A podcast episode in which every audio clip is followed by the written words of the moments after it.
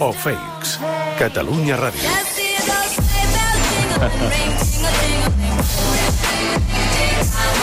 Passen 4 minuts de dos quarts de 12 del migdia. Carlos Baraibar, bon dia. Hola, bon dia, Albert, què Fets tal? o fakes, pendents d'aquesta compareixença dels consellers d'Interior i de Salut, Alba Vergés i de Miquel Samper. Per on comencem? Doncs avui, si et sembla, com que no hi ha la Laura i allò que diuen de quan no hi ha el gat, els ratolins ballen, Ballen. sí, et, et proposo capgirar la secció una mica i començar amb el superfake de la quinzena, amb aquesta música nadalenca. Per tant, fets o fakes nadalenca, avui la idea és veure què hi ha de cert i què hi ha de que no se sap tan clar en el que passa aquest vespre, aquesta nit, aquesta nit de Nadal. Va néixer... Viscut el rei? No, no, no, no, no. Va néixer Jesús el 25 de desembre de fa 2020 anys. Fets o fakes?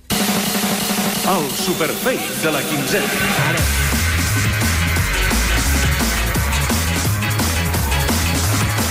No voldria que ningú se m'enfadés, evidentment, però vaja, hem anat a repassar què diuen els historiadors del que va passar ara fa uns 2.000 anys aproximadament, i per verificar tot això doncs hem hagut d'anar als fact-checkers del passat, és a dir, els, historiadors. Sí. Els dir els evangelis? No, historiadors, també eh, els teòlegs, evidentment, els que s'han llegit els evangelis. Per tant, hem parlat amb el eh, degà de la Facultat de Teologia de Catalunya, l'Armand Puig, i amb el catedràtic emèric de Filologia Grega de la Complutense i autor del llibre Aproximació al Jesús eh? Histórico. Home, eh, tens que em posen un jardí d'aquests sense, sense Sí, xarxa? Jesucrist el van crucificar també, sí.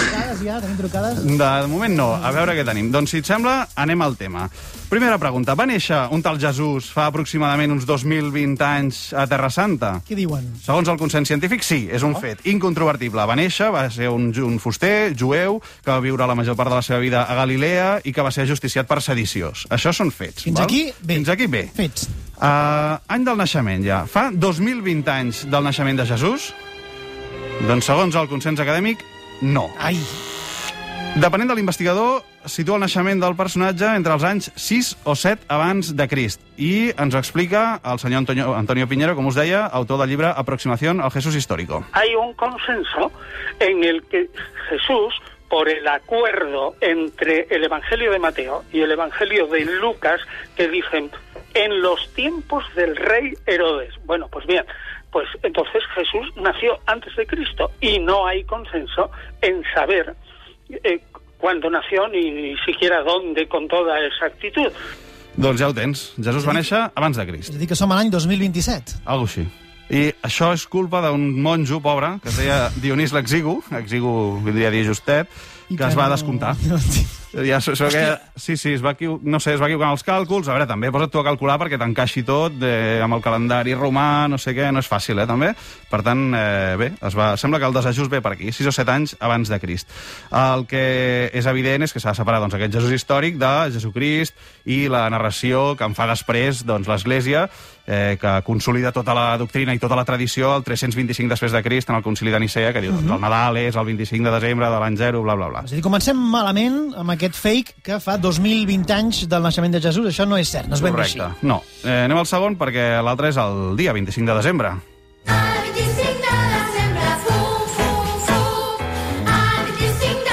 Doncs bé, tam... Si, si et carregues la Nadal el 25 de desembre, sí que tindrem un problema amb la meva filla, concretament. El 25 de desembre o el 6 de gener o pels vols de final d'any seria més així. També podria ser primavera. Bé, en aquest cas hi ha una discussió bastant oberta entre els historiadors, perquè uns diuen que va ser fins i tot entre l'abril i el setembre de l'any 6 abans de Crist. Aquesta forquilla és molt alta.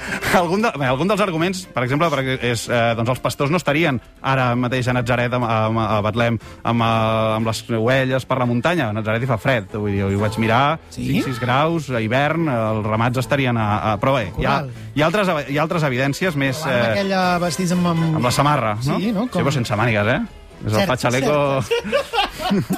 el, el fatxaleco de Ara sí l'antiguitat. que se'ns enfadarà. Sí, res, no. Uh, tot plegat, el que sembla, com et deia, l'any 325 eh, després de Crist és quan s'estableix tota la festivitat del Nadal i tot sembla establert perquè encaixés amb una de les celebracions que aleshores era molt important, no?, l'imperi romà, que és la festivitat del Sol Invicte.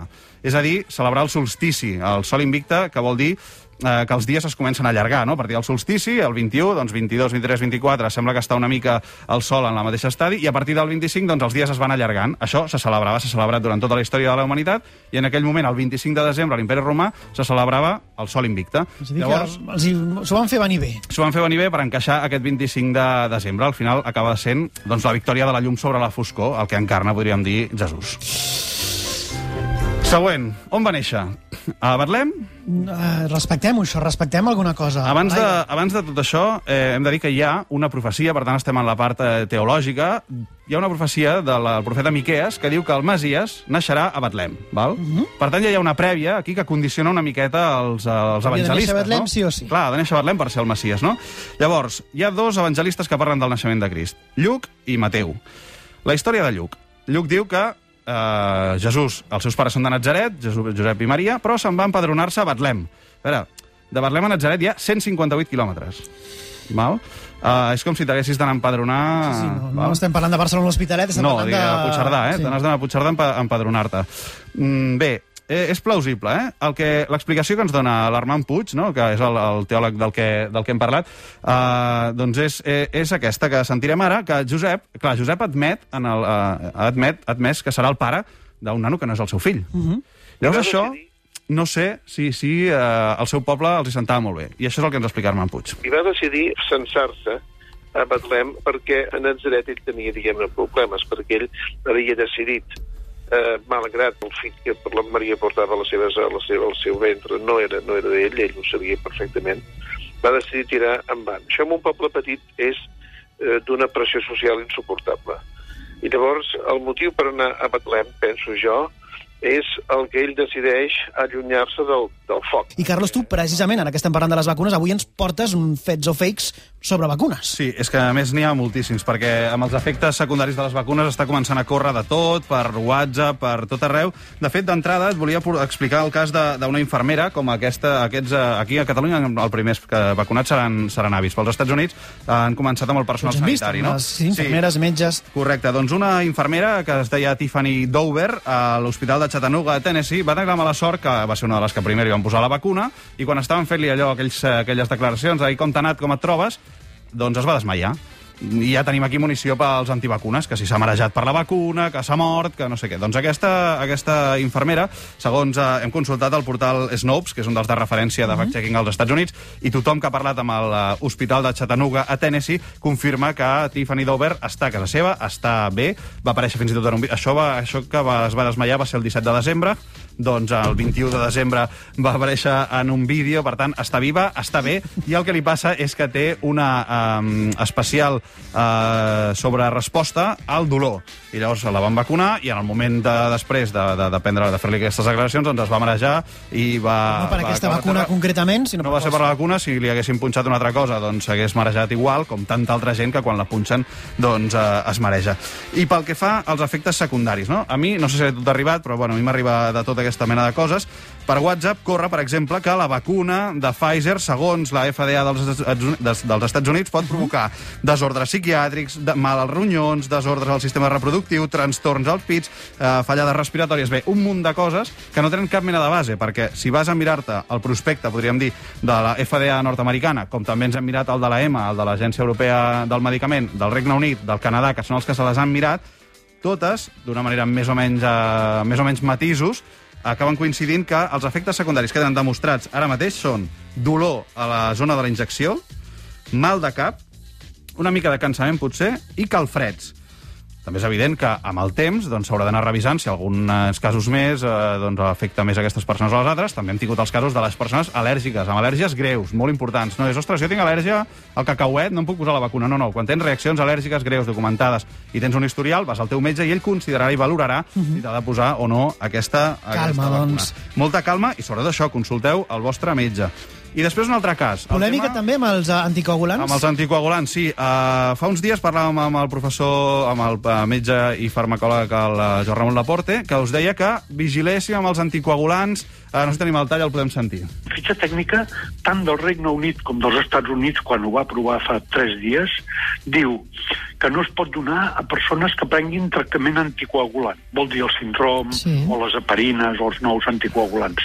Doncs aquí a Catalunya mateix, dels més grans de 75 anys, aproximadament un 10% pren anticoagulants. Aquests ja no podran ser vacunats. Això Doncs bé, ahir el... el, el Això ha generat molt d'enrenou, sí. aquestes declaracions al matí de Catalunya Ràdio del doctor Laporte. Sí, i ahir la Societat Espanyola de Cardiologia va sortir dient que, mm, el que, és- que sí que es pot vacunar la gent que pren anticoagulants, que de fet a més és recomanable. En vam parlar al Catalunya Migdia amb el Josep Brugada, que és metge consultor sènior de Cardiologia, aquest matí segur que heu tirat aquest tall, però em sembla significatiu tirar-lo per la tranquil·litat de la gent que pren anticoagulants. L'única cosa és que sí que recomanem, com en qualsevol injecció intramuscular que s'ha de donar, que una persona anticoagulada hem d'anar en compte amb la injecció perquè pot tenir un sangrat local, per tant, recomanem que abans de prendre's la vacuna sapiguem que la gent que pren síndrom estigui en el rang que ha d'estar, que és entre 2 i 3, això ho saben perfectament tots els pacients que prenen síndrom, Per tant, el que deia el doctor Brugada és que sí que poden prendre anticoagulants i que en tot cas consultin el seu metge per al moment en el que els hi posa la vacuna perquè el problema pot venir del que sagni la ferida. Després hem parlat amb el doctor Laporte i ell ens ha confirmat que efectivament ella referia a això. Ell volia dir que vigilessin la gent que pren anticoagulants, que no es posi la, vacu la vacuna i aquell sagnat doncs, pugui ser perillós. En tot cas, el que diuen els cardiòlegs és poseu-vos la vacuna en el moment en el que l'efecte de l'anticoagulant estigui al mínim, abans de la nova dosi. I això, en tot cas, ho de parlar cadascú amb el vostre cardiòleg de referència. Sí, com sigui, deixem estar les cadenes de WhatsApps i el que em digui la, la nostra tieta Marinuri el, el... Correcte. Armeu-vos, armeu-vos pels dinars i sopars de Nadal i feu una cerca de Google ràpida perquè hi ha moltes coses verificades i que podeu contrarrestar. Google i sobretot el metge. Sí, el, en aquest cas és evident que el metge, però també hi ha molta feina feta pels fact-checkers de, ostres, corria no sé quina història. Doncs tu poses fil, no sé quina història, mm, mentida o bola, i segur que et surt. En qualsevol cas, aquest dinar de Nadal hi haurà segur menys cunyats a les taules de Catalunya